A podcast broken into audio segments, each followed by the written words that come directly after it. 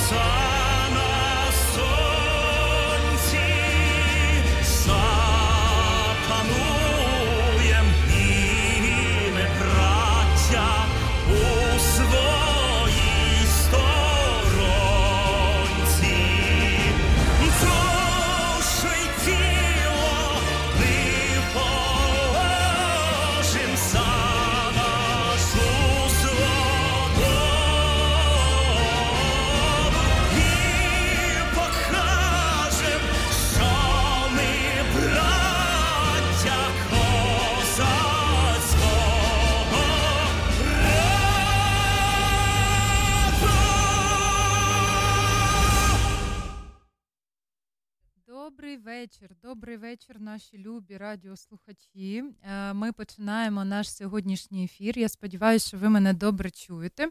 І сьогодні з вами е, в ефірі Ірина Карачевцева та моя колега Ірина Попова. Тож раді, раді вас всіх вітати. Е, і наступні дві години ви будете з нами в ефірі. І ми сьогодні будемо е, говорити, як то не дивно, але ми будемо говорити сьогодні про війну. А, а саме про кроки до перемоги. Так, це трошки трошки легше, ніж говорити просто про війну. Так, е, так. будемо говорити про ті кроки, які е, вели до перемоги у війні. Ну, там у Другій світовій війні, так що що робилось для того, щоб е, перемогти, і що зараз робиться, і які в нас є взагалі е, шанси, так? Так, а перед цим, як завжди, про сьогодення. Так. І сьогодні в нас вже 140-й е, день війни. Це вже така Занадто велика цифра, як на мене, е, особливо коли всі сподівались, що е, війна мене дуже швидко, і ми швидко зможемо зупинити ту орду, яка на нас напала. Але ж то не вийшло так швидко, і вже 141, 140, пробачте, 140 Сьогодні 140-й день. 140-й так день е, з початку повномасштабної війни України з Росією. Тож, е, згадаємо всіх, хто поклав своє життя за свободу, незалежність та суверенітет України. Бо для цих людей це були не просто слова, не просто слово свобода, а то були певні дії, е, певний стимул у житті. Е, до до здобуття тієї свободи. І ми пишаємося кожним, кожним хлопцем, який зараз в ЗСУ, кожним хлопцем, котрий зараз волонтерить, кожним хлопцем, котрий залишається у такий важкий час, залишається працювати. І веде е, економічний бій, бо саме економіка е, виграє війни. От, Тож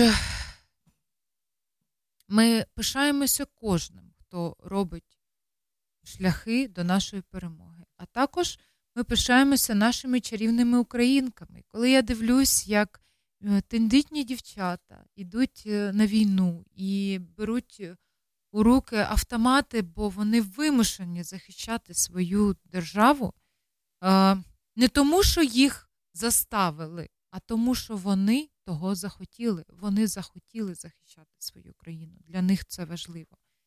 Я пишаюсь такими жінками. Я пишаюсь тими жінками, котрі зібрали е, всю силу в кулак та поїхали за кордон і зараз мають е, у безпеці дітей та е, надсилають гроші в Україну на ЗСУ, близьким та також підтримують нашу економіку. Я пишаюсь жінками, які залишаються на території України та щодня проживають свою маленьку війну, залишаясь під обстрілами чи просто працюють і також підтримують економіку нашої країни і витрачають ці гроші, чи е, чи вони витрачають ці гроші, чи вони е, просто донатять на ЗСУ. Ну, як просто донатять, так? Все одно це. Е, Допомога. Це, так, це герої нашого сьогодення. І ми повинні розуміти, що кожен з нас робить те, на що він має сили. І ми вдячні кожному, хто робить до перемоги крок, певні кроки до нашої перемоги. 340 дітей, 349 дітей, вибачаю, стали янголами України назавжди, загинувши в цій безглуздій війні. Більше 652 дітей поранено, і це згідно офіційних даних. А скільки ми ще не знаємо. Кривавий режим Путіна скалічив ці маленькі життя. Ми плачемо за кожним українцем. Серце розривається від болю. Закатовані чоловіки, зґвалтовані і вбиті жінки, викрані та вивезені до Росії діти-сироти. Це наше страшне сьогодення у 2022 році. Такого жахіття Україна не бачила з часів Другої світової війни. Тож давайте вшануємо пам'ять кожного загиблого українця хвилиною мовчання.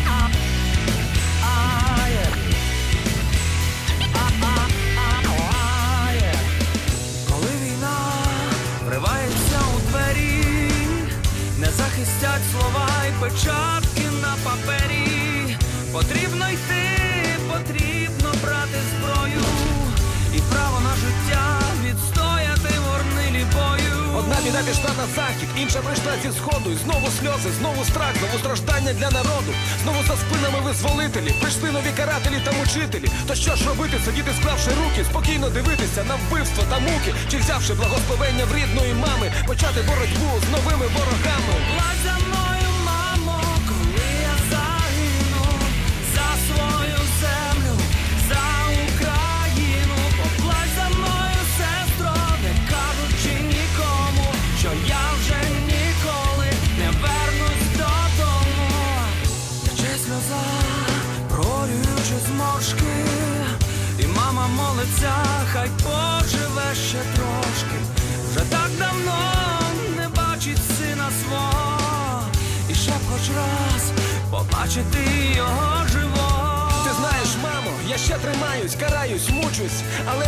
Дивись, якщо не я, то хто зайве питання? Для нас це не проста війна, це визвольні змагання. Людей женуть на схід, немов худобу, принижують, щоб знищити людську подобу і захиститися у цих людей нема ніяких шансів. У них одна надія на повстанців.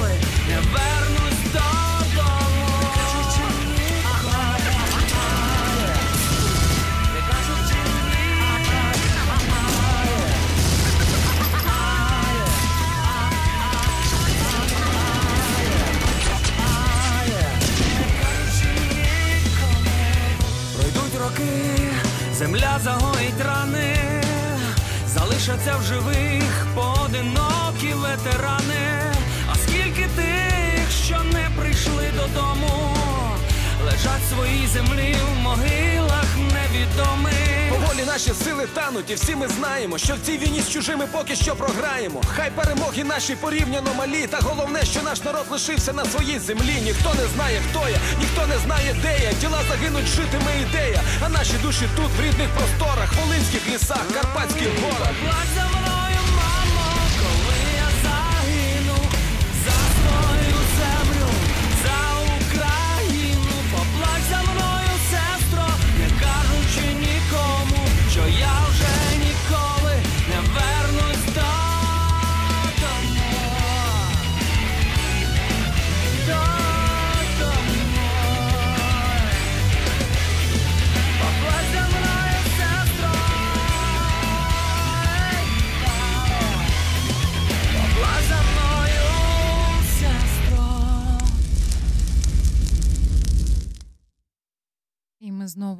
Ефірі.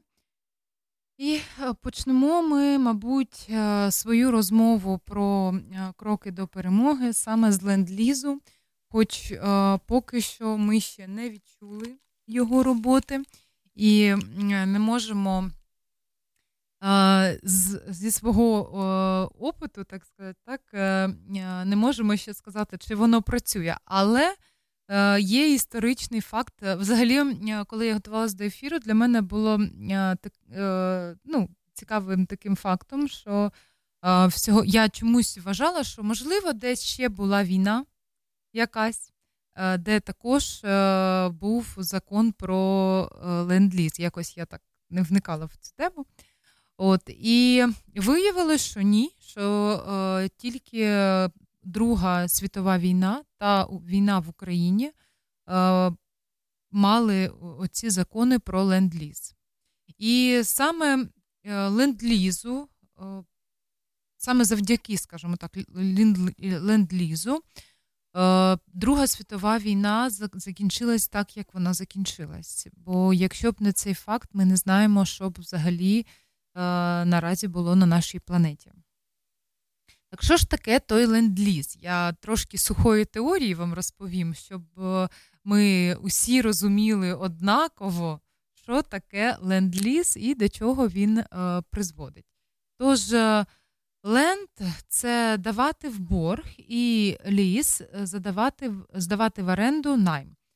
Це державний акт Сполучених Штатів Америки що дозволив у 1941-1942 роках постачати е, союзникам у Другій світовій війні запаси техніки, продовольства, медичного обладнання та ліків, стратегічну сировину. Наразі саме сталь включають, ну, саме сталь зіграла там дуже велику роль у Другій світовій війні, бо саме з цієї сталі, ну ми будемо ще про це говорити, робили танки. Е, включали е, нафтопродукти без оплати. Всі постачання по ленд-лізу оплачувало казначейство США і повернення е, справної зброї і техніки, що залишилось, повинно здійснюватися вже після завершення військових дій. То коли війна закінчилась, тоді йде оцінка того, що залишилось, і чи воно повертається назад у США, чи країна, яка отримала ті ну, цю техніку по ленд-лізу е, сплачує е, згідно акту поставок. От, І основними одержувачами поставка, поставок за актом про ленд-ліз під час Другої світової війни стали країни Британської співдружності націй та СРСР. Закон про ленд-ліз був прийнятий двічі за всю історію. Це те, про що я казала. Вперше він був е, е, підписаний 11 березня 1941 року під час Другої світової війни, коли Германія напала на СРСР. А вдруге під час російсько-української війни саме 9 травня 2022 року. Е, закон, що був підписаний 11 березня 1941 року, закінчився 20 вересня 1945 року. Загалом така допомога є безкоштовною. Хоча деяку техніку, наприклад, кораблі, повернули після Другої світової війни. Натомість США отримали в оренду армійських і військових морських баз на території союзників під час війни. А Канада реалізовувала подібну програму, але вона була трошки менша і вона називалась взаємодопомога.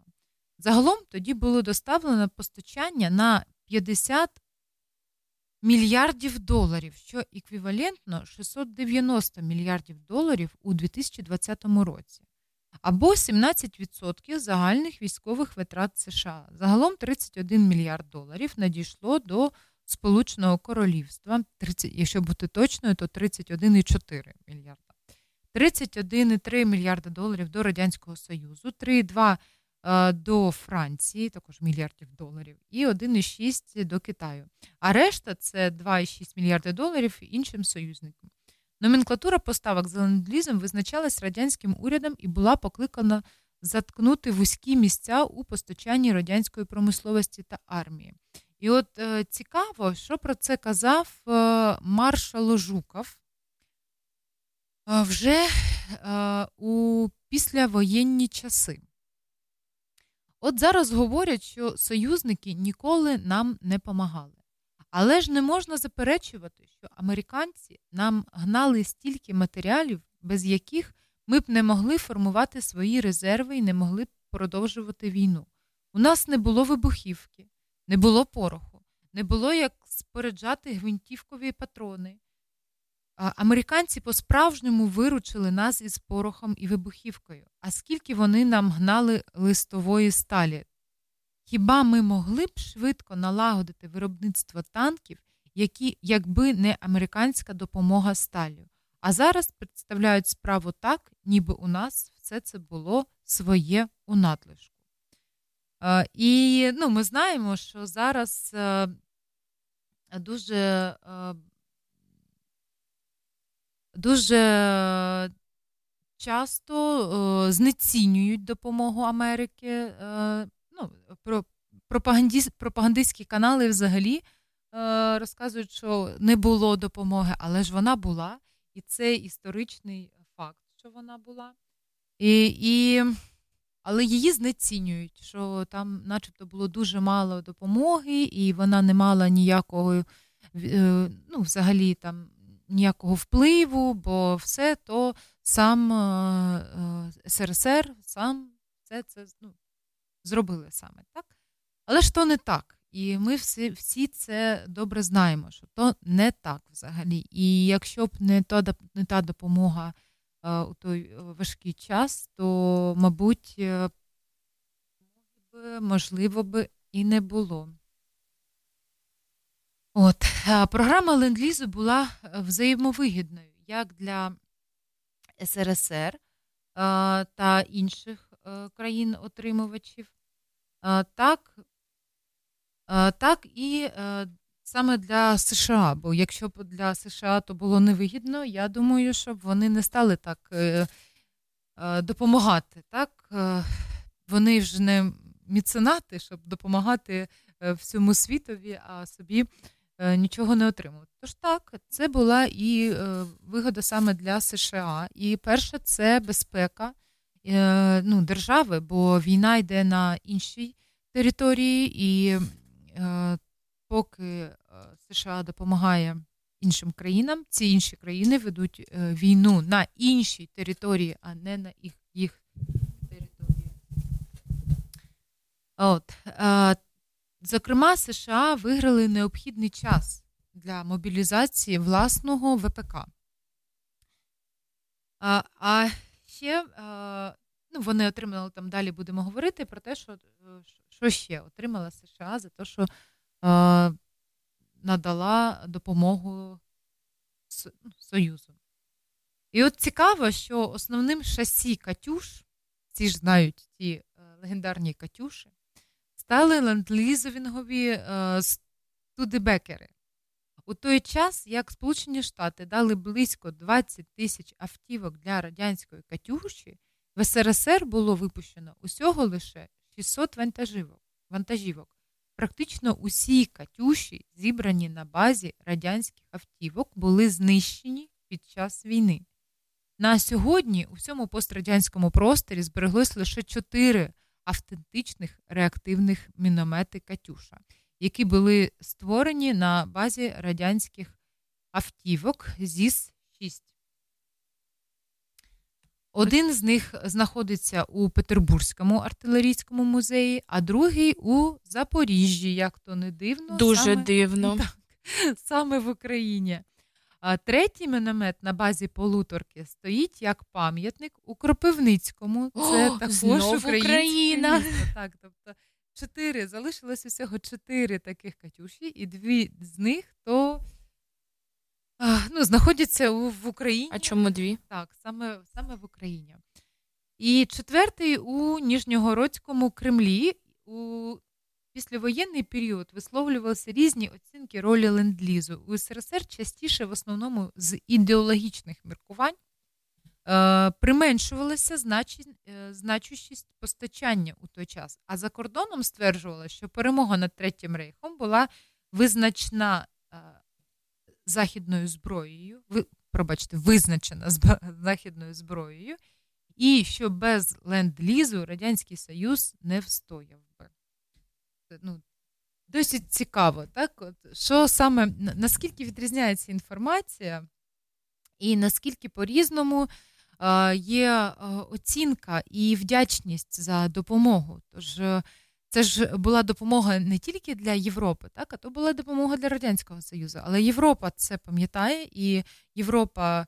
Далі будемо говорити ще про борги, так? Так, дуже цікава така Європа штучка. свої борги не забуває, як Ланністери, хто дивився, хто дивився е, Гру престолів, той розуміє, про що я. А от е, вийшло, що Росія взагалі не забула про те, що хтось. Ну, є борг, допомагав. є. Ну, та ладно, борг, е, хоч е, елементарна вдячність. Яка вдячність? Ти про Але що взагалі? Люди все це ну, навпаки скривають, ніхто нічого не знав, що ж там відбувалось, де там хто що робив. Завдяки чому? Завдяки товаришу Сталіну, так? Так.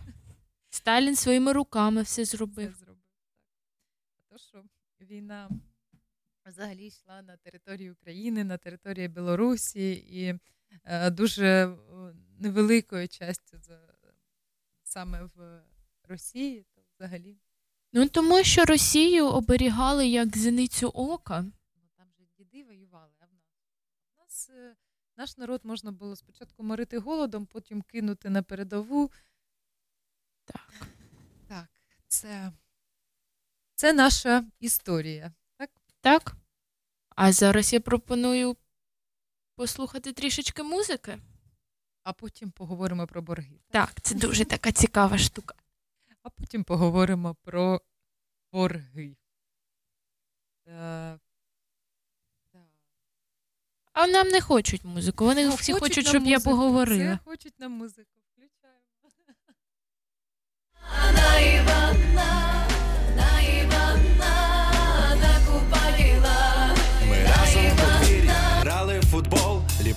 Із битих дзеркал дискобол, проводили наших дівчат по домівкам, а хуліганам набивали стрілки, часи пролетіли, і ми розлетілись. В різних куточках з тобою осіли.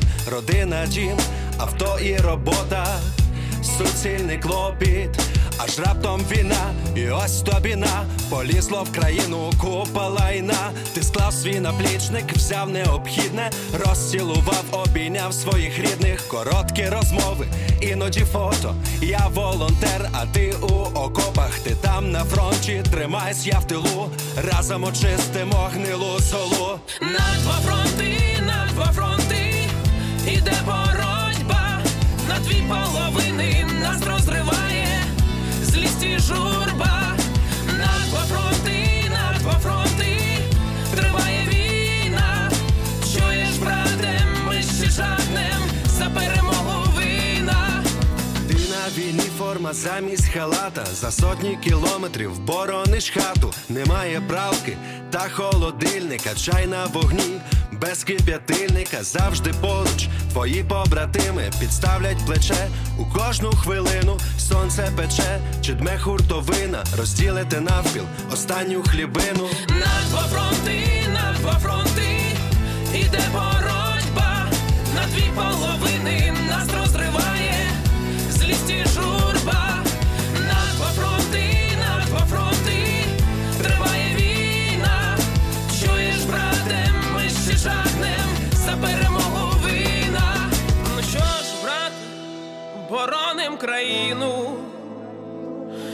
Всі разом відбудуємо руїни.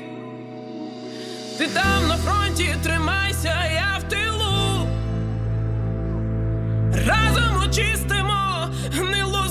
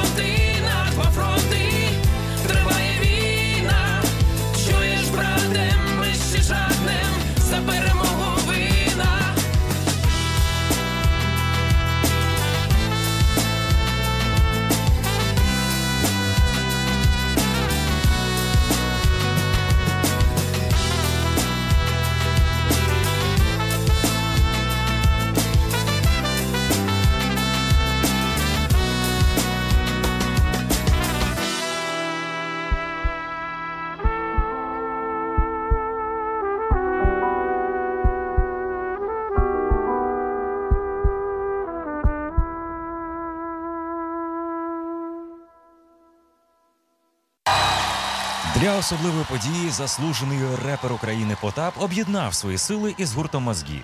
І цей супермікс для тих, хто набагато молодший за незалежність.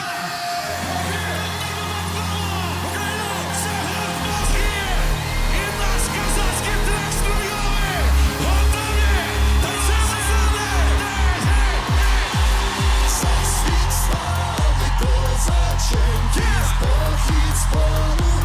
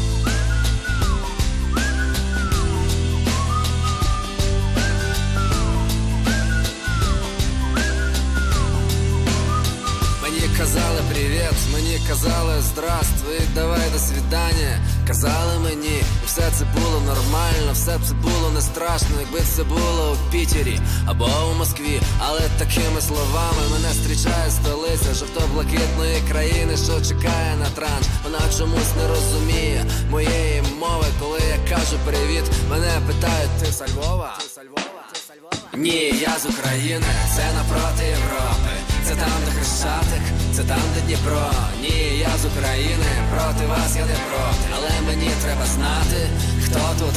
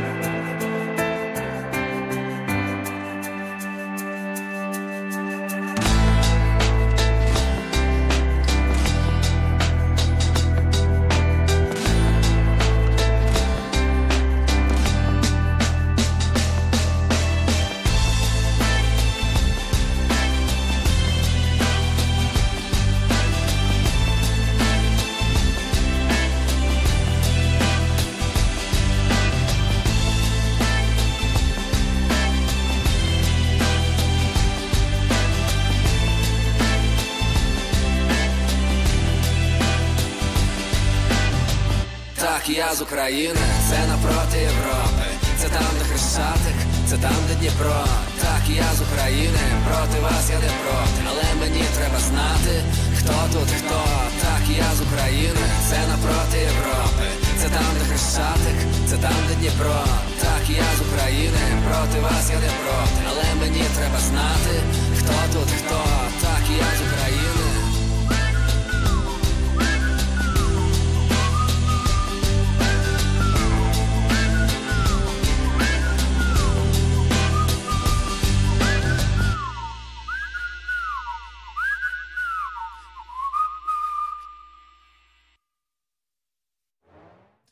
Ми знову з вами в ефірі так. на першому українському радіо. радіо. У чому? У Нідерландах. Так. Саме у Нідерландах. Так, то ми отримали зауваження, що ми е, не поважаємо е, країну, в якої ми знаходимось, бо е, говоримо ні, ні, Нідерланди. У Нідерландах. Е, Так, там щось таке було. Ну, якось так, що ми говоримо у Нідерландах. Але ж не знаю, завжди говоримо у Нідерландах, але окей. Але ми переслухали всі ефіри. Було там таке пару разочків. Ну, випадково. Пару, так, пару разочків було, але я не думаю, що то прям е, неповага. Е, бо е, Бо коли вони нас називають українцями ок, окраїна. або Окраїна, мені хочеться підійти і дати чимось тяжким по голові. Я що, окраїна? Це правильно, то Нідерланди також. Ти знаєш, ми після того, як країну починають говорити неправильно, ми на моєму ломані англійській роз'яснюємо, хто є хто і як правильно бути Україна. І що Петрушка, то Петрушка. Якщо не знаю, як то буде англійською, краще я навчу нідерландців казати. Українською, так. А що я на роботі? Я не можу запам'ятати, як буде Петрушка, ні голландською, ні англійською. Для мене це дуже тяжке слово. Я навчила їх всіх казати. Прямо стало цікаво, як же буде Петрушка англійською. Зараз Голландською буде майже Петрушка, тільки трішки інакше, а голландсь... англійською буде якесь вайно. подивлюсь, розповідай. Я зараз все подивлюсь. Так, а ми повертаємося до боргів. До боргів До боргів. після ленд-лізу. Так. Бо а, після того, як був підписаний ленд-ліз з Україною а, у проросійських СМІ, е, ну, взагалі у пропагандистських, скажімо так, СМІ, з'явилась дуже велика кількість інформації, де написано, що то е, звичайний товарний кредит, який, е, ну, начебто, ми узяли е, мікрозайм у Манівео всій країною. Ну так, ми так і зробили, і купили собі трішки танків, Трішки танків, трішки. БТРів, джавелінів, байрактарів. Так. Понесло Ну, Ірину. що ми, ми любимо. Так? Так. Цікавий факт. Я думала, чому взагалі весь Євросоюз, в колишній СССР вважав, що це все Росія. Ось чому білорусів і українців зараз це відійшло на задній план. Але ви всі це чули. Моя ведуча. Пробачте, але ми знаємо, що Петрушка то паслі. Петрушка, то Петрушка. Гаразд. Так. Тож як вони борги будуть віддавати? Е, я розповідала цікаву історію, а ти своєю Петрушкою мене перебила. Так ось.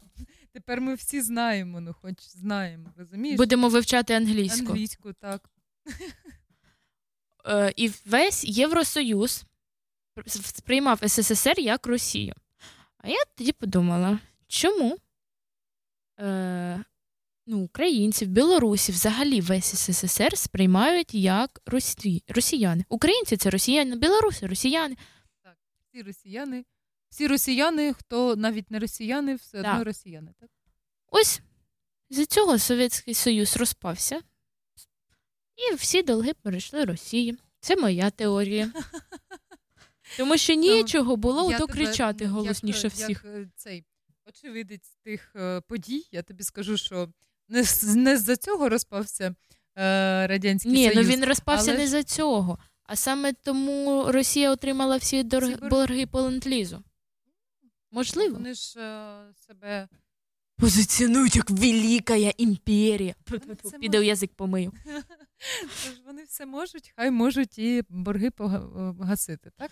І переходимо до боргів, тому що там дуже цікава історія. Угоду з СССР про порядок погашення боргів за ленд-лізом було укладено лише у 1972 році. Тобто в 45-му закінчується війна, і тільки в 72-му Тобто Складається це угода. скільки? 17 років, так? Ні. 17 років? Так. Я... вона мені зламала мізк. Так, трошки увірвалася. Пройшло 17 років, е, Так. і тільки після цього була підписана угода, бо е, Країну ж Це- треба відбудувати. під цей час е, країни Європи вже е, ну, дехто вже навіть закрив ті борги, а е, Росія все ніяк не могла почати їх сплачувати. Ну там можливо, ну не Росія, СРСР. А, і можливо, і були е, причини того. Е, бо треба було відбудовуватись. Е, На той час е, після воєнні часи були дуже важкі, всі ці, всі це знають, але ж в Європі вони були не менш важкими, бо навіть у Нідерландах місто Роттердам, так, котре було розбомблене ущент, бо е, саме Роттердам був ну, як так звані коврові бомбардування, якщо ви чули про таке. Е, от, е, Роттердам розбили ковровими бомбардуваннями, і місто відбудовували взагалі з е, фундаменту, бо не залишилось нічого. Е, але ж ми розуміємо, що то там одне місто, яке було тотально розбомблене, а у Радянському Союзі на, на той момент була розбомблена Україна, була розбомблена Білорусь, була розбомблена частина Росії. Тобто, Я хочу що- сказати, що Радянський Союз це 15 країн або Ну так, і було що відбудовувати на, на той момент. Так, це дуже можливо, велика це територія. також так, е, як, якусь роль зіграло, то можливо, то ті, лише моє припущення. Якщо у вас є е, інші припущення, і припущення, велкам у наш чат, е, поговоримо про це. От, е, але ж там були такі торги е, за допо... ну, за... ви нам допомогли, ми вам навіть не, дя... не дякуємо, але ж борги, торги з вами проведемо, щоб повертати якомога менше. Так, і згідно з цією умовою, СССР зобов'язалися до 2001 року заплатити 722 мільярди, включно з відсотками.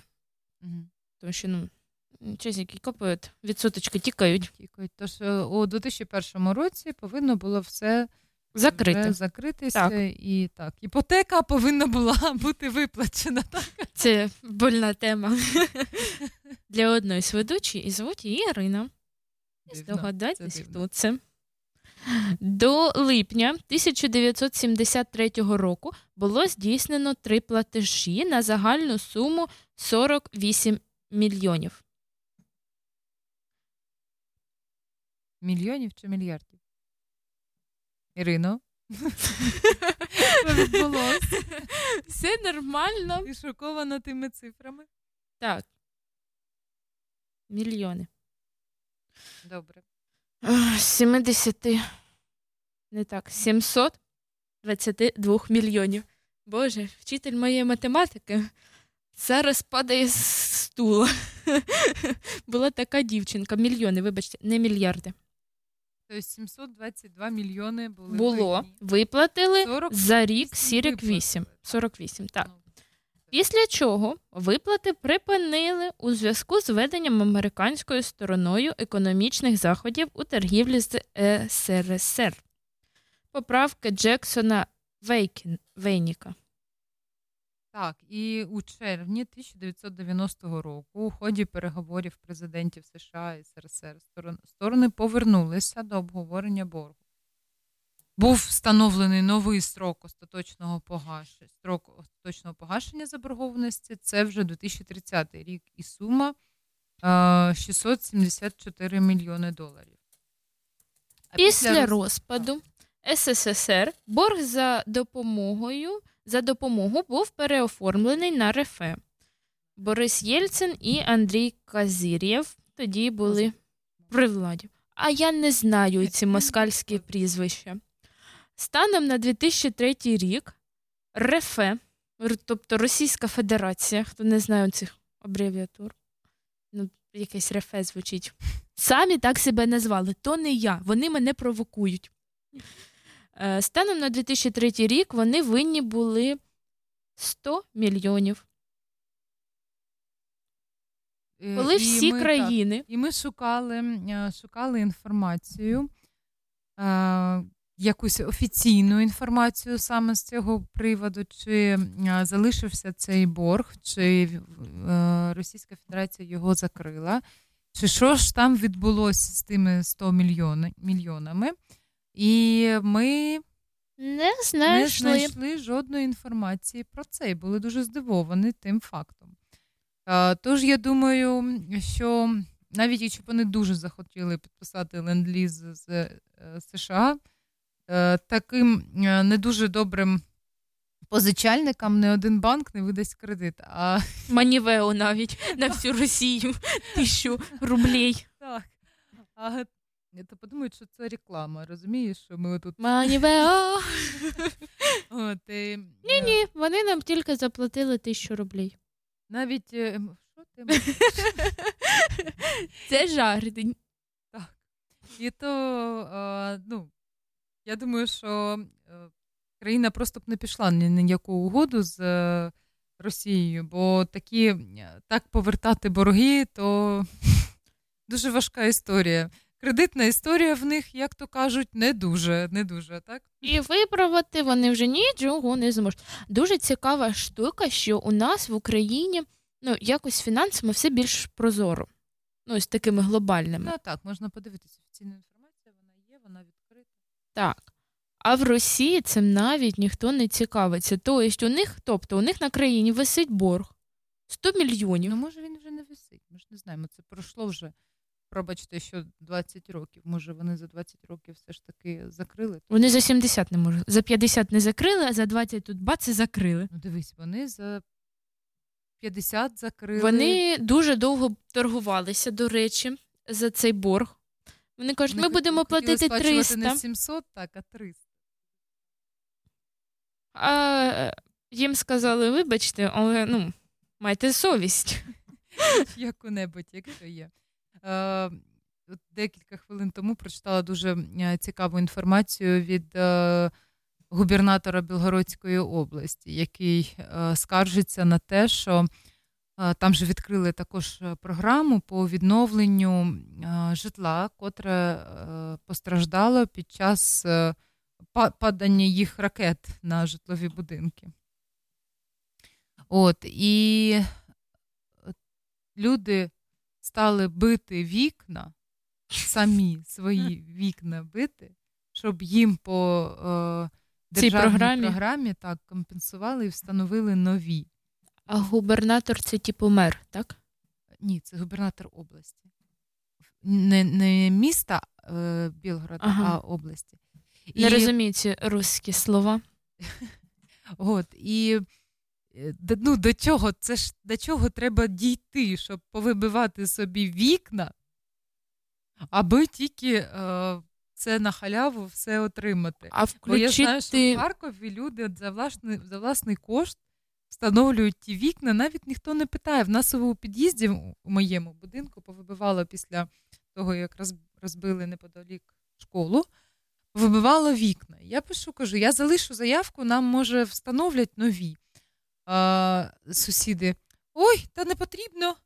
Відновимо та-та-та-та-та. Тобто люди навіть не розраховують на те, що там е, держава щоб прийшла і щось зробила. А там навпаки люди б'ють собі вікна, щоб отримати від держави хоч щось, хоч щось уже дайте нам. Ну, це жах- ну, жахлива тупо, ситуація, це таке, ну, дно. Ну, уяви собі, ти живеш в районі, де ніколи нічого не падало.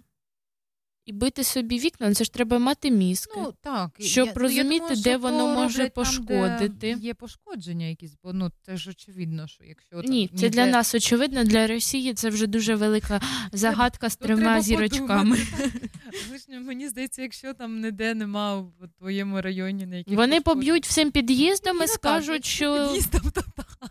прилетіло бамбілі й бамбілі. Донбас, так? Так. Так. Ну і, мабуть, трошки знову трошки української музики, щоб ми не втомлювали вас своїми балачками. Бо я шутити можу жартувати, знаєте скільки? О, Особливо про росіян. це хто?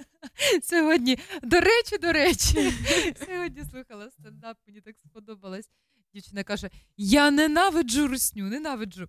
Каже, «Е, от, от уявіть собі, якщо е, людину забрали на швидкій з анафілактичним шоком, і вона, і от якщо сказати, що я ненавиджу русню, то це як сказати, що ця людина трошки недолюблює горіхи. Ой, тож, тож е, ми можемо говорити про це дуже довго, але краще за нас скажуть то пісні. Мені так здається. Ну, тобі здається, а ми впевнені. Чорні води, сів на коня козак молодий, плаче молода дівчина, їде козак з України. Гей, гей, гей, соколи,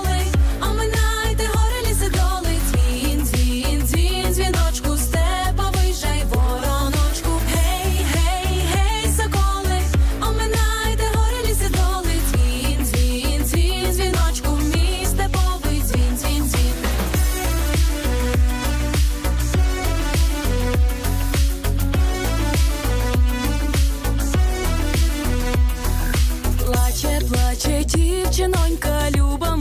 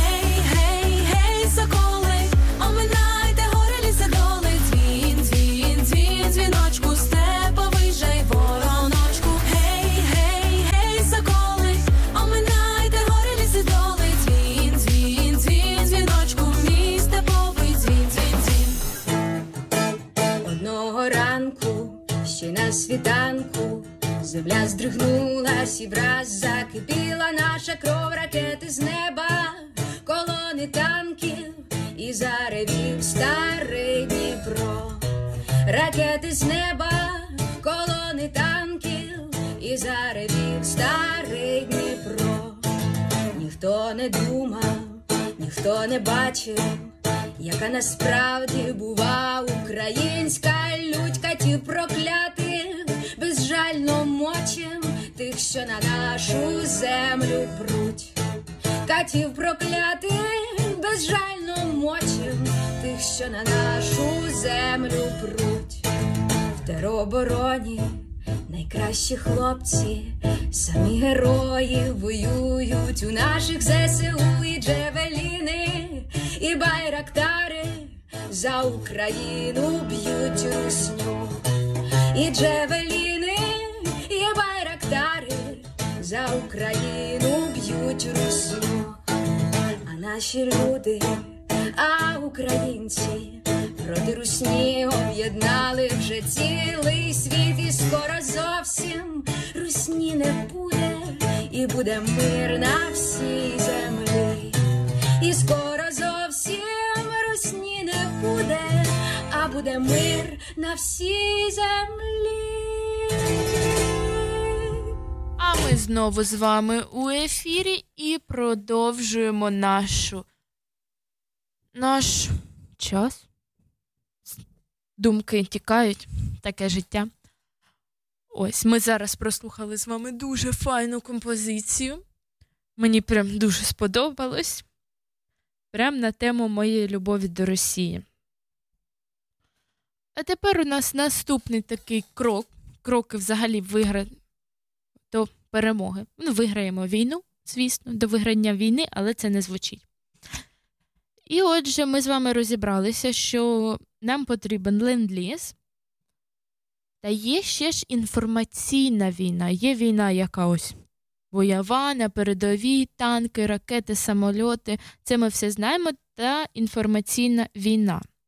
Тож, як виграти інформаційну війну і не втратити свободу слова? Інформа... Ти знаєш, Ірина, коли е, почалась війна, е, ми, ну, я сиділа у підвалі і ото нерозуміння, що робити. Тобто ти сидиш в підвалі, чуєш ці вибухи, тобі дуже е, страшно, але хочеться щось робити, хочеться якось е, допомогти. Щось робити, якісь хоч маленькі кроки до перемоги, але щось робити. І я знайшла е, наші українські е, телеграм-канали е, про саме інформаційну інформаційну війну, де потрібні були копірайтери. Це Мгм. люди, які пишуть, щось пишуть, набирають якийсь текст. Е, От, і е, знайшла, е, ну, і робила те, що я на той момент могла. У мене не, на той момент там е, не було е, великих грошей для того, щоб допомагати е, ЗСУ. І я просто сиділа і писала якісь там е, тексти для е, розсилок усіляких.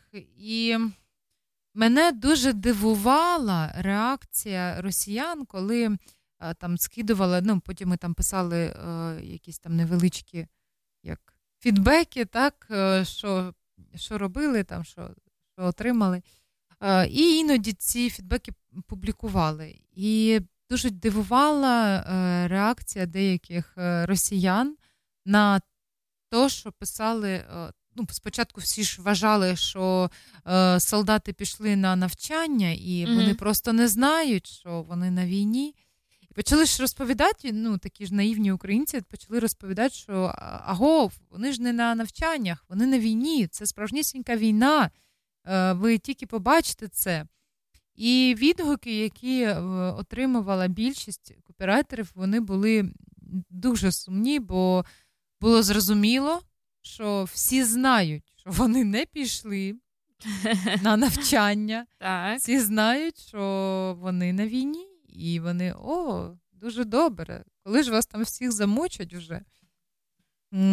То був, то був перший шок, бо спочатку ну, дійсно всі вважали, що мирне е, населення Росії не знає, що відбувається. Ну, що взагалі відбувається? Ну так, ти знаєш, ці теорії, теорії вірили майже всі, та навіть українці, тому що вони спочатку такі всі якісь були такі зашугані, ну як нам ставалось. Можливо, я припускаю теорію, що там були деякі, декілька людей, які не знали, куди вони саме їдуть. Але, Так, але ж то не масово. це не масово, Не так, це одиниці, але більшість все прекрасно знала і все розуміла. І куди вони їдуть, і для чого вони їдуть, і що вони там будуть робити. І готувались до того. Так. І, звісно, родини їх також знали, Так, де їх їх готували до цього 20 сини. років. Ну, тому що війну розпочати ось так з бухти-барахти неможливо. Вісім років вони вели ту війну. Так. Але ж зараз про інформ... саме про інформаційну війну. Так. Чи взагалі воно має якесь значення, ото, що я там сиділа, писала, чи ні, Іра? Е, зараз з цим розберемось. Інформаційна війна це єдина, в якій Росія перемагає. Хоча наразі переважно в межах своєї країни. Ну, ось так. В нас їм не дуже але ж вони дуже багато закидують е, такої Фейків. е, інформації, яку підхоплюють наші люди, дуже швидко підхоплюють, розсилають то. І це дуже сумно, е, бо ну, також дивіться критично на цю інформацію. І перше, за, за, от, що повинні ви подумати, то кому вигідна ця інформація? Кому це вигідно таку інформацію десь е, розповсюджувати? І саме з цього робить висновок: чи репостити то, чи не репостити. Зайти Як- в інтернет, почитати на інших сайтах. Чи... Тому що якщо це щось масове, типу як було дуже багато фейків про аля капітуляцію України, Мгм. Ви ж розумієте, ну, що про це будуть говорити всі. Ну і ці приколи, коли там а, про кожне місто. О, все, Харків здають, о, все, Херсон там здали, забули взагалі, Мені- він нікому не здався. Про Ніколаїв забули, там, то Слав'янськ, Краматорськ. І у різний момент різні міста спливають, що от саме про це місто забули. А чому забули? Ну, якщо взяти Харків, то певно треба трошечки розкрити очі, подивіть, подивитись, що робиться у місті, що робиться за містом, і зробити певні висновки, чи дійсно його хочуть здати, чи щось робиться для укріплення міста і недопуску. Ти знаєш, мені кажеться, що ось люди, які не знають нікого, ні з ЗСУ, ні з тероборони, ось саме таке й плетуть. Я, ну, ти знаєш, що тут я з тобою не згодна, бо коли я бачу ці, ці репости у соцмережах, Угу. Я розумію, що то люди там у когось і е, достатньо близькі люди воюють, але ж все одно ну, це, це бездумне. Це знаєш, то як ну, всі зробили, я зроблю, бо Мгм. я ж зроблю. То є такі речі, котрі там ми, ну, ми маємо репостити, ми маємо про це кричати, ми маємо про це показувати. Особливо, якщо ви зараз знаходитесь за кордоном. Е, Обов'язково реп- репостіть відео з е, Показуйте це своїм друзям. так, от новим Саме так, новим так, друзям. е, іноз- ну, іноземцям. От е, розбиті міста, людей, які страждають, як люди сиділи в підвалах, як, ну, як і що відбувалось. Тож це обов'язково треба показувати, бо то наша біль, і вони повинні розуміти, що там відбувається, що насправді там відбувається. Але е, не треба репостити у то, то все лайно, котре там е, хтось вилив. Перше запитання, яке ми собі ставимо насамперед, е, а потім вже репостимо, це кому ця інформація на руку, кому вона посприяє, кому вона буде у нагоді, так? Так. Мені ось завжди було цікаво, ти пам'ятаєш, на початку війни була така штука: ось все, сьогодні будуть бомбити Харків, сьогодні ранок, Кожного дня. Кожного дня. і будуть бомбити рівно о 13.54. Мгм. 37 се- секунд. Але ж вже пройшло е, 140 днів війни, Ні, і я- ми бачимо, що воно так не працює. Я не про те, про те, що ось будуть бомбити рівно стільки, і це не повітряна тривога, це просто сказав друг куми тьоті Свєти по Ні-ні-ні-ні-ні, лінії. Ні, зачекай. Є е, дуже е, цей, е, є персонаж, Ага. він не якийсь вигаданий. Він не вигаданий. Ні, це друг мого друга, котрий працює в СБУ. А, оця персона, яка Так, є це у персона з. СБУ, така невловима, бо це ж то ж СБУшник, то щось таке дуже загадкове. Так, так, так. Дівчата, звертайте увагу, СБУшники, то таке загадкове щось. От, е, Да. І от саме оця загадкова персона, е, СБУшник, друг брат свата, от саме він сказав, що будуть бомбити у такий час. Але ж військові в жодної. е, В жодному разі не роз... якщо вони дізнались про ту інформацію, вони ніколи того нікому не розкажуть. Вони потім включать е, тривогу, вони попередять там, що треба евакува... евакуюватися з якогось там міста. А, але ж е, ніхто не буде кричати, що о, через 5 хвилин почнуть. Але у нас саме перші дні війни таке було. Ми всі сиділи і чекали, коли ж нас о шостій почнуть бомбити, тому що я виїхала за місто, і там було тихо. Ну, з початку війни. І всі ж чекали, ось зараз через дві хвилини Ну, нас всіх зітруть. То взагалі окрема історія. Якщо місто, то велика Так. деревня, така велике село, так? А е, маленьке село, то взагалі капець. Це ж я мене дійсно завжди дивували. Ну звідки у вас така інформація? Я ходила і казала, То друг, брата. звідки ти це знаєш? Тобі ти бігав до Росії, взяв у них карту. Куди будете бити? От Так. по цьому селу. О Через котрій? 15 хвилин. Прибіг назад і всім розповів. Ну, люди, ну давайте включати трішки мізки. Тому що зараз це відійшло трішки на другий план, але все рівно є такі Ага. Трошки змінилась тактика. Вони, вони зрозуміли, що абсурд, такий от повний абсурд, він тут не працює. І що українці все ж таки, там, щоб ми тільки що тут не казали, але ж все ж таки українці мають критичне мислення. Так. І це не набуває все одно такої, такого загалу, масовості, якісь такі от речі, ну, взагалі там. Так, ми цього боялись спочатку.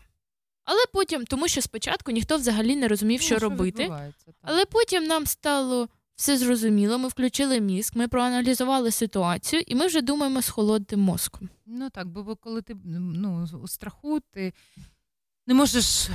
Так, ти думаєш, Мгм. так, як зберегти своє життя, своїх, свою сім'ю, і що взагалі робити зараз. От, ти- і, мабуть, ти ж там продовжиш так зараз Так. про інформаційну війну. Про... Е, Кремль десятиліттями готував підґрунтя для агресії, вкладаючи мільярди у пропаганду своїх імперських та мілітарських амбіцій. Тож, окрім танків та ракет, Україні доводиться щодня протистояти кремлевським фейкам і брехливим наративам, аби виграти цю війну. Ми маємо донести світу правду. Все, що вони отам несуть, множимо на ноль. Це правило з математики. Я пам'ятаю на все життя. Так. Російська пропаганда, як і російські танки, забуксувала в перші ж дні, щойно зайшовши на територію України. Інформаційні атаки, які мали на меті посіяти страх і паніку, мали такий ж успіх, як і воєнна компанія під гаслом Взять Київ за три дня. Тож зрозуміло, що то фейк, бо ну, хто сказав, що можна взяти е, Україну за 72 години. Е, якщо взяти до уваги той момент, що в країні 8 років йде війна, і наші хлопці то вже просто сталь. Це стальні люди, і вони знають, що робити. Це професі... професіонали, Е, це дійсно потужні військові, і вони в жодному разі б не здали своєї країни. І це треба було, ну це ж було зрозуміло. Але не можна було прорахувати іншого. Не можна було прорахувати той момент, що українці так згуртуються. І от, от цього, саме цього, не очікувала взагалі Росія. Взагалі вони не очікували, що українці зможуть так згуртуватися, стати єдиними і робити все заради перемоги. В нас неймовірна кількість волонтерів, в нас неймовірна кількість е, людей, які е, роблять щось задля перемоги. Е, це не, не тільки гроші, не, не тільки доставка там і щось таке. Хтось щось шиє, хтось щось пече, хтось щось е, там, я не знаю, куховарить. Е, і все це хтось е, робить якісь там дрібнички, продає і гроші направляє на ЗСУ. От Сьогодні у нас вже почався воркшоп в Ларині, в Рабабанку. Е, у нас е, проводить дівчина тут Анна, проводить воркшоп, робить, вони роблять кукол мотанок, і вона продає ці куколки, і всі гроші направляють на допомогу Україні. Ну, ЗСУ. Так. От, то що кожен став робити те, що він може, то, що в його, в його силах зараз зробить. Е, Комусь для цього прийшлось виїхати з країни, комусь навпаки е, залишитися і е, поглибитись. Але то саме ця сила, на яку взагалі не розраховував Кремль. Ви уявляєте, що ми зробили з вами, ми своїми руками? Ми зруйнували просто всю стратегію, яку вони мали, от, отою згуртованістю, бо вони не очікували такого. Ну, Мабуть, в Росії взагалі я не знаю, чи можливо там. Світ не повірив в існування нацизму в Україні та геноцид на Донбасі, який, начебто, чинили українці. Ось ці байки про те, що ми їмо немовлят, б'ємо українськомовних на сході країни. Ну, мене, мене це взагалі. Я не знаю жодної людини, яку побили на заході за російську мову або на сході за українську. Ну, бо це абсурд. Кожен спілкується так. Харків, особливо Маріуполь, ось східна частина, вона спілкується, спілкувалася російською, бо зараз соромно говорити на цій мові. І мова, як вони спочатку говорили, ми прийшли врятовувати е, російськомовних. Їх тут принижують. Та хто їх принижує? Покажіть мені, я все життя спілкуюсь російською. Отже. Але щоб виграти інформаційну війну, остаточно і влада, і суспільство мають виконати певні завдання, постійно моніторити джерела інформації. Росіяни добре спрогнозували запит на альтернативні джерела інформації, який утворюють після включення каналів Медведчука і запускають єдиного марафону новин. Знищивши перед війною підконтрольні спецслужбам Російської Федерації телеграм-канали, вони створили понад 100 нових гіперлокальних каналів у містах, які вони хотіли окупувати. Тобто вони вже продумали цей момент, і вони були готові вливати українцям ось всю ту несенітницю, яку вони вливають там своїм росіянам, і вони це їдять. Бо, ну, там дядя Вова сказав, українці нацисти, українці нацисти. А чому вони нацисти? Бо вони патріоти своєї країни. А якщо росіян патріот своєї країни, то то добре, то патріот. Білорус патріот, а українець відразу нацист. Добре, дядя Вова сказав, значить так і є. Дядя Вова сказав, що круг це квадрат. Круг це квадрат. Ну, люди зовсім не вмикають свій мозок. Е, частина з цих каналів справді опинилась під окупацією. Там ворог і відтанцьовував свою програму із брехні і залякування.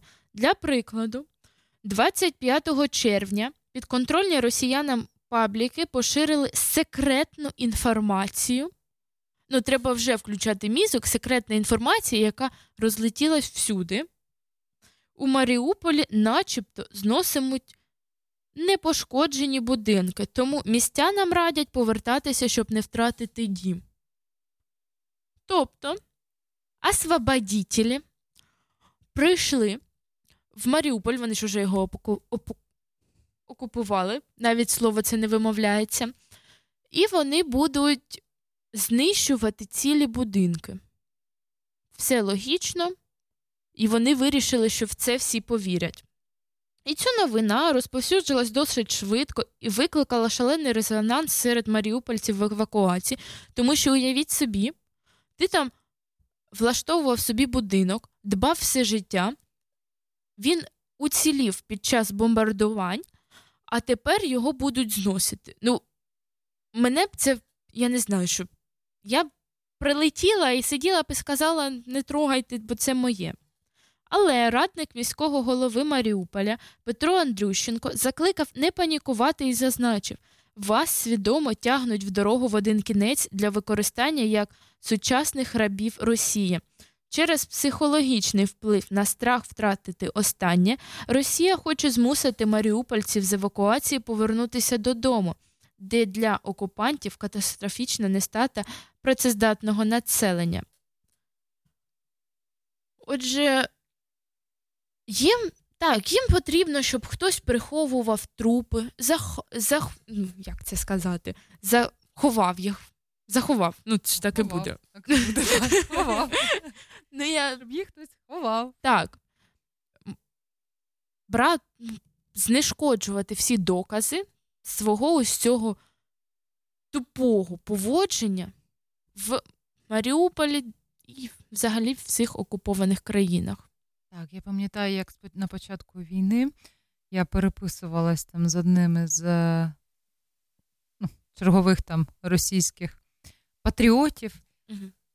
І він пише: ви закидуєте всіх фейками, фейками. Вони вивчили нове слово фейк і дуже активно їм всі. Це ж не російське слово, як вони могли? Так, це ж вони всі, хто використовує слово фейк, всі ж іногенти, бо це е, не Як там Жириновський, царство йому асфальтом казав. От, е, і я кажу: та ви ж приїдьте, хоч он своїх хлопців з у нас на, на окружній тоді постріляли там дуже багато ну, москалів. От, Ой, як кажу, файно. своїх хлопців позабирайте, бо кажу, то ж зараз е, ще лютий, воно ще холодно, але ж воно потепліє, а вони валяються. Це ж криси, собаки. Кажу, ви що? Ви що, годуєте наших бездомних собак та крис у нашому місті? Що ви робите? Кажу, позабирайте це. А, Так, я там наших нет, сказали мені, і ну, зрозуміло, що ніхто їх і не забирав взагалі. Ну, нічого Це дуже цікава Ну, історія. Нічого страшного, бо вони ж всі йшли Вони е, всі йшли на, на навчання. Україну, а ми показали їм, що вони йшли все ж таки в українську землю. Ну, дивись, вони йшли на навчання в Україну, Ми видали дипломи. але груз 200 запаковано. Пакетик брати будете? Для них навіть російською це вимовлю. Трошечки, трошечки чорнушки так в ефірі. І про що? Це світлий юмор. Ні, ну вони навчались, вони там то в Чечні навчались, то вони в Грузії навчались, то там в Чорнобилі трішки В Молдові вони навчались, навчались, всюди вони навчались. От в Україні, будь ласка, отримали диплома і додому. Поїхали в земельку рідну. Додому, до хати. Ну, тепер хата трішки поменше, там скільки? Метр вісімдесят. Який стандарт у гроба? Та який гроб? Їх в пакетику так і захоронять. Отже, На жаль, нас, насправді, на жаль, які б вони не були, але ж то громадяни цієї країни, і країна е, відправила їх воювати, і країна несе відповідальність за цих хлопців. Бо то ж чиїсь батьки, то чиїсь е, діти, то чиїсь чоловіки. І коли вони, щоб не виплачувати кошти, просто поприсилали людям про те, що вони е, пропали, пропали.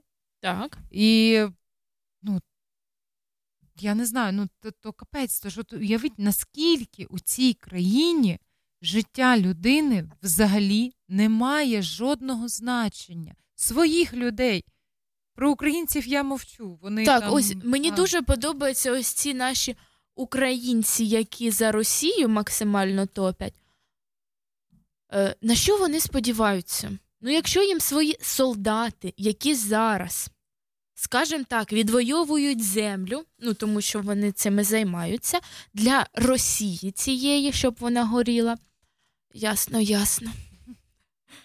Вони їх не ну, до них така, таке відношення.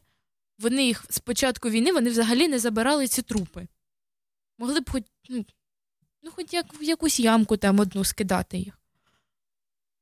На що, на що розраховують ці люди? Ну що, вони українцям скажуть добро пожаловать, от вам хліб, соль і 5 тисяч рублей в неділю в місяць. Ну, типу, можна подивитися на Крим, на ДЛНР, ЛНР і зрозуміти, що ну, Росія не дасть нам нічого хорошого.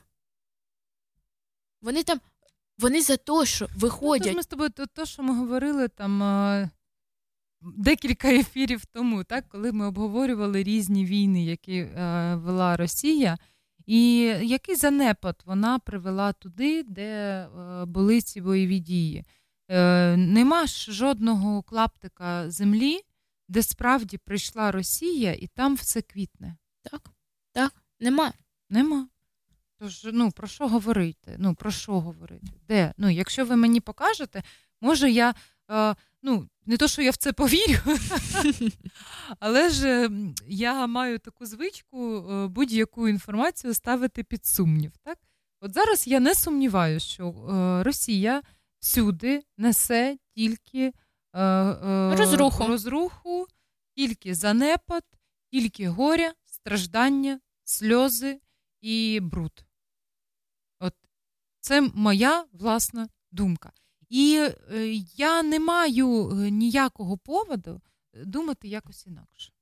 Навіть у- подумати, що а допустити, от як то кажуть, так, от допусти, що це не так, як ти, ну, там, як ти звик думати. Мгм. І навіть допустити я не можу, бо нема такого прикладу. Нема. Ніде в світі. Нема. Так, це дійсно так. Вони. вони саджають людей за те, що, за те, що він з'явився на Красній площі в синьо-жовтих кросівках. Вибачте, але це не абсурд. У нас в Україні ви кричите свобода слова, ви знаєте всі свої закони, навіть тих, яких немає, качаєте свої права наліво і направо.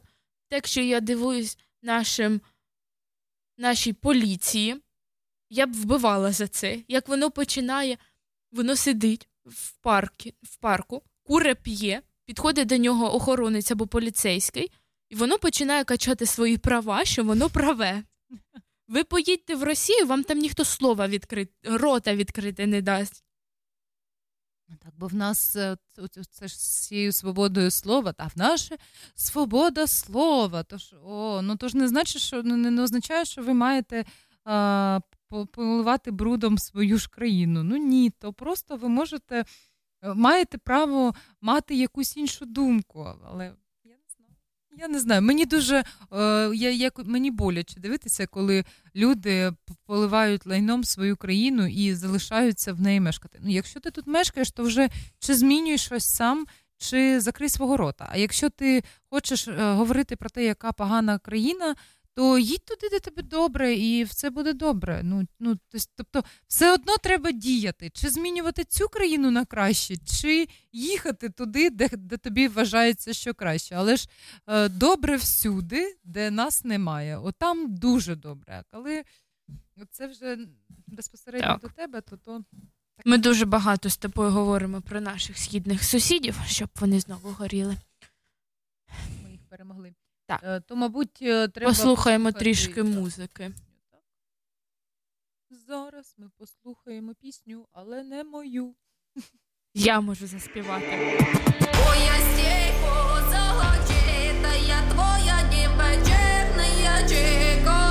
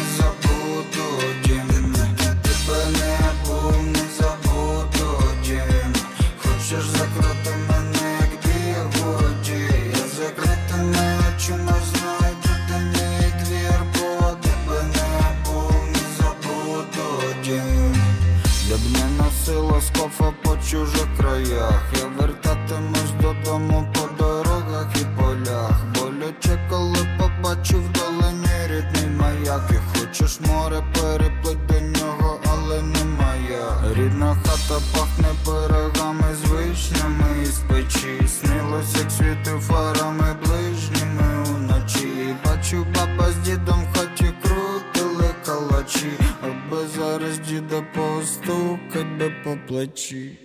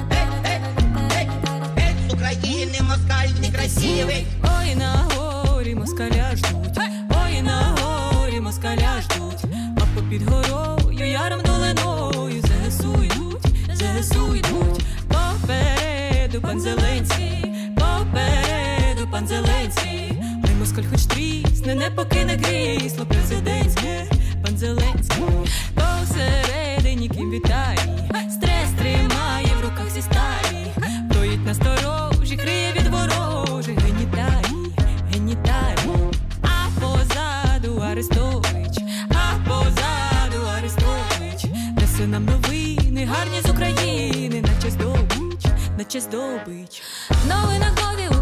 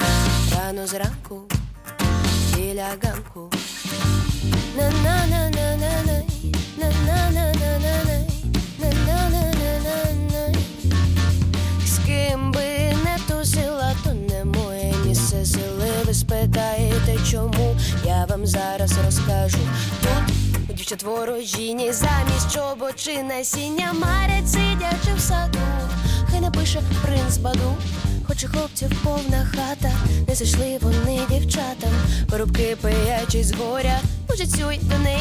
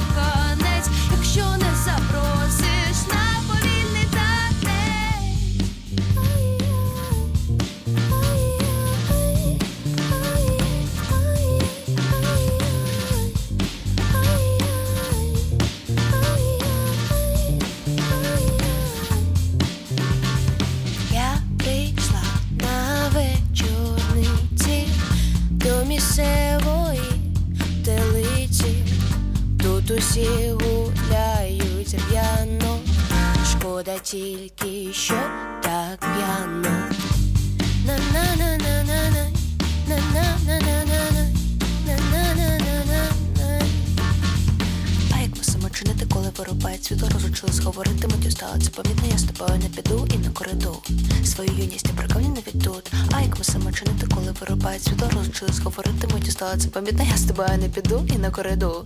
Свою юність я прогове навіть тут, де би не тусила, то не моє місце сили. Ви спитаєте, чому я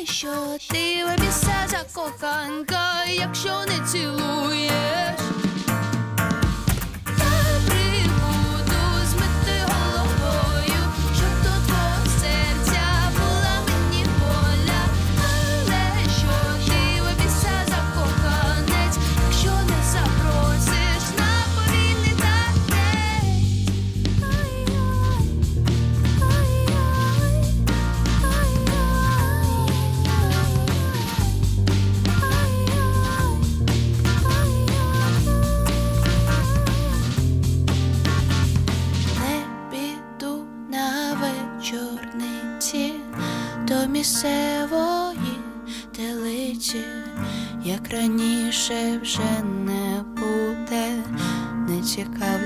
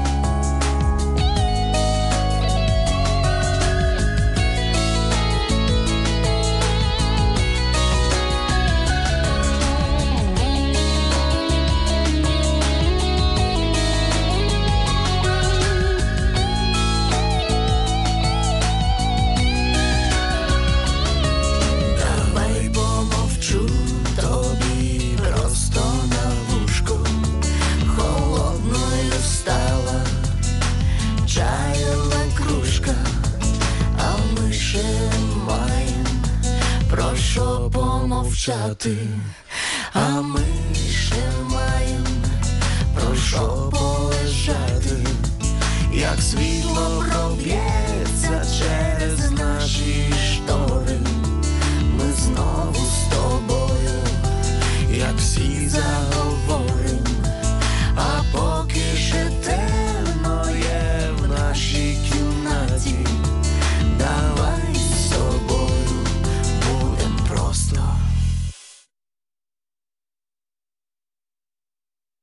Ми знову повертаємось і трішки вам помовчали. Тому що це дуже файна пісенька. Дуже ностальгічна, я би сказала, бо це не нова пісня, але вона така дуже, дуже особиста. А, Ірина, може, ти розповіси про е, той захід, який ти е, опублікувала е, тільки що в нашому телеграм-каналі, і якщо ви хочете подивитися, що там Ірина опублікувала, то просто зайдіть в наш телеграм-канал. А якщо Так, ви бачили зараз очі Ірини, яка не розуміє, про який захід іде мова. Ну, то важливий дуже захід. Ми мали такий же ж захід у суботу, яка минула. Ми з Іриною там трошки допомагали. консульству. Трошки допомагали. Все на своїх плечах.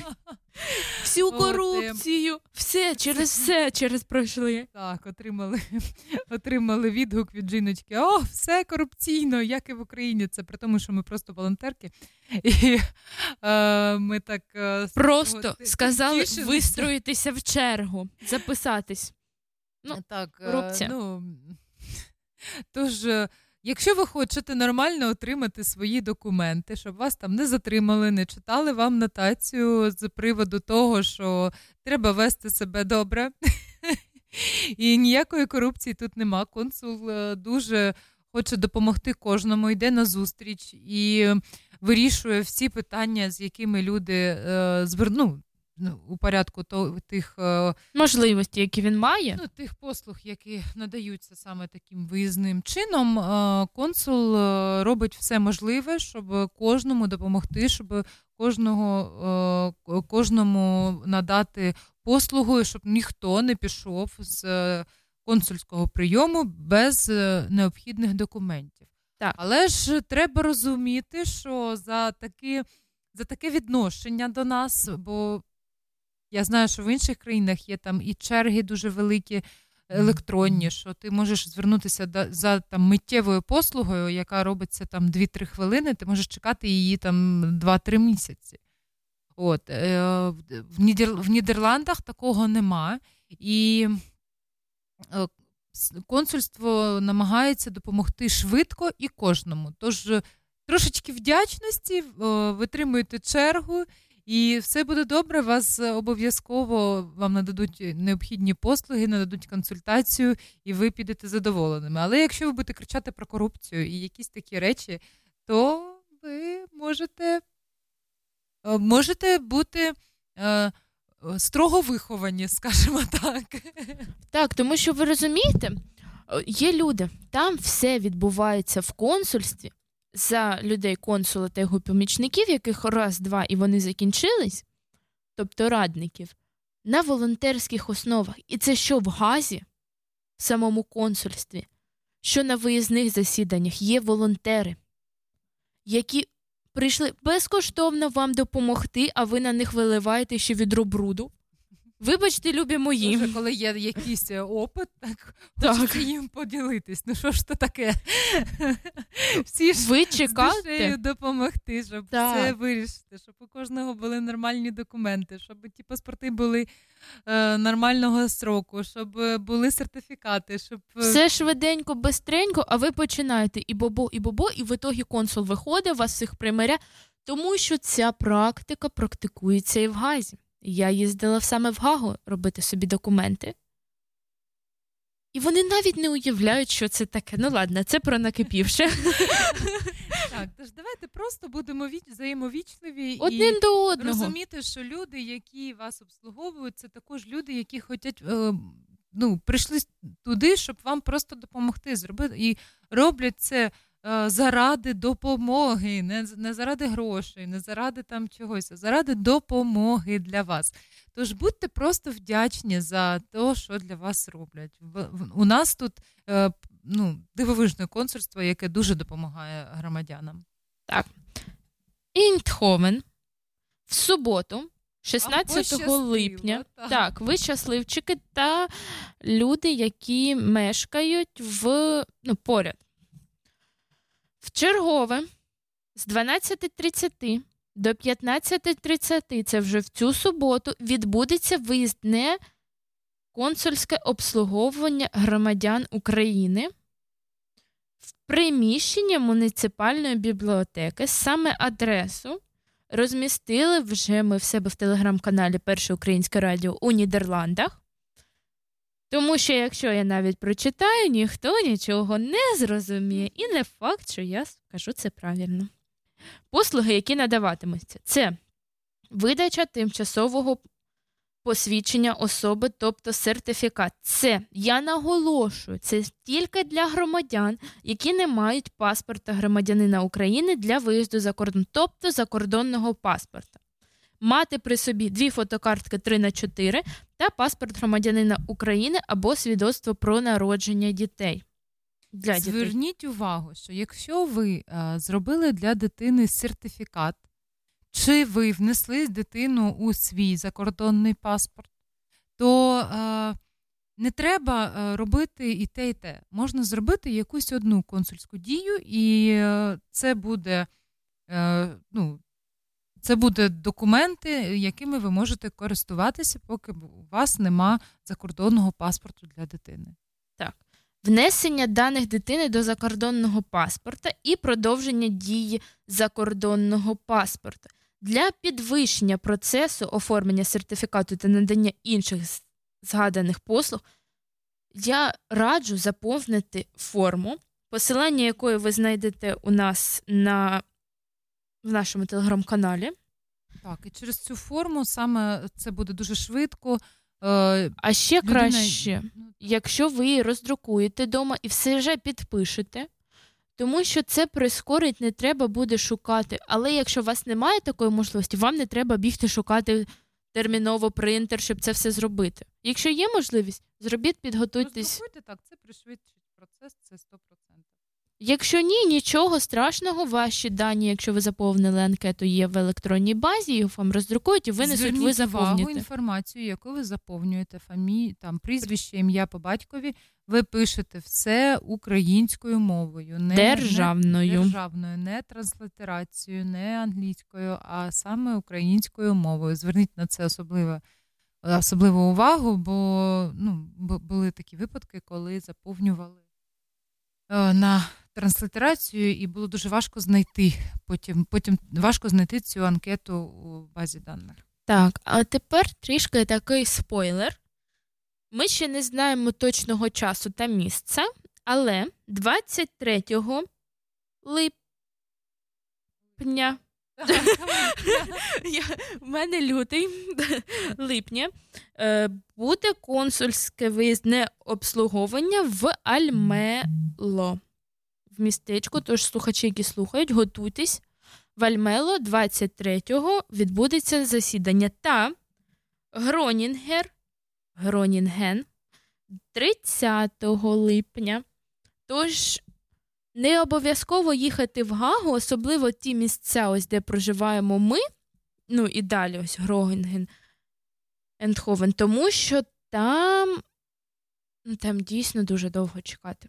Навіщо кудись їхати, тратити 3-4 години? 50-60 людей, а е, ну, в Газі А там 200. Так, до 200 людей ну, в чергі пробути. Тож е, звертайтеся на місцях, це дуже круто, дуже зручно, і е, ви обов'язково отримаєте свою допомогу. А на жаль, На жаль, дуже на жаль, але так, і наш ефір вже підходить до свого завершення, і я думаю, що ми послухаємо, може, ще одну пісеньку на, на завершення. Так, ми з вами вже будемо прощатися.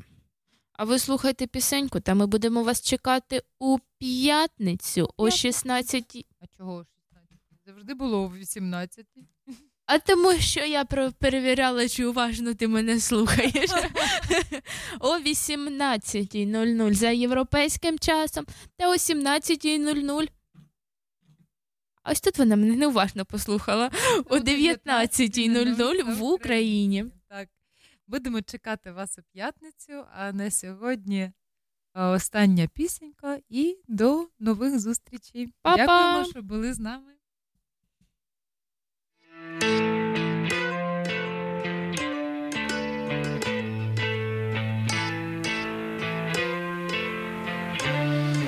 В тебе немає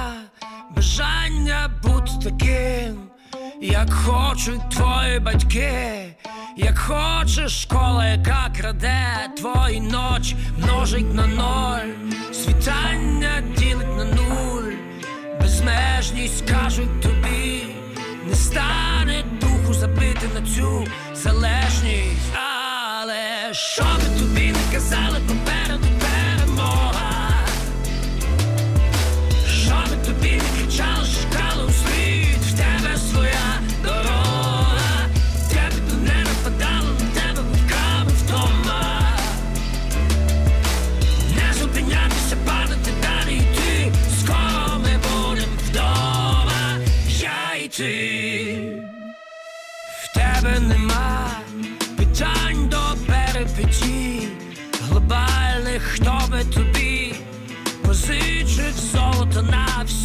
твої звички, хто би тебе пробачив серед людей, фан-зоні деякі тут, лиш плачуть, деякі тільки сплять на тефлоні, та не ти,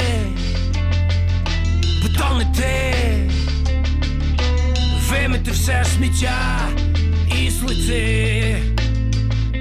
І що би тобі не казали попереду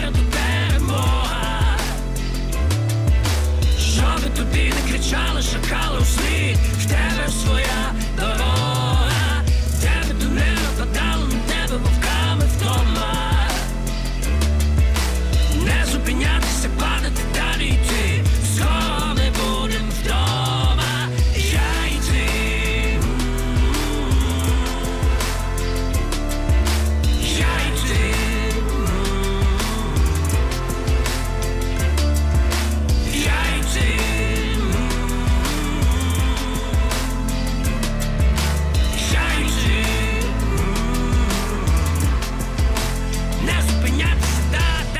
йти Хто плювали би у спини, то похвалить тільки фени, хто папіру крутить теми, тим, хто проти тебе стане, і по факту без зупину, будь то фокус на частини, тебе зменшить на третину, тільки тени, не ведись надалі, не переменити вам, душу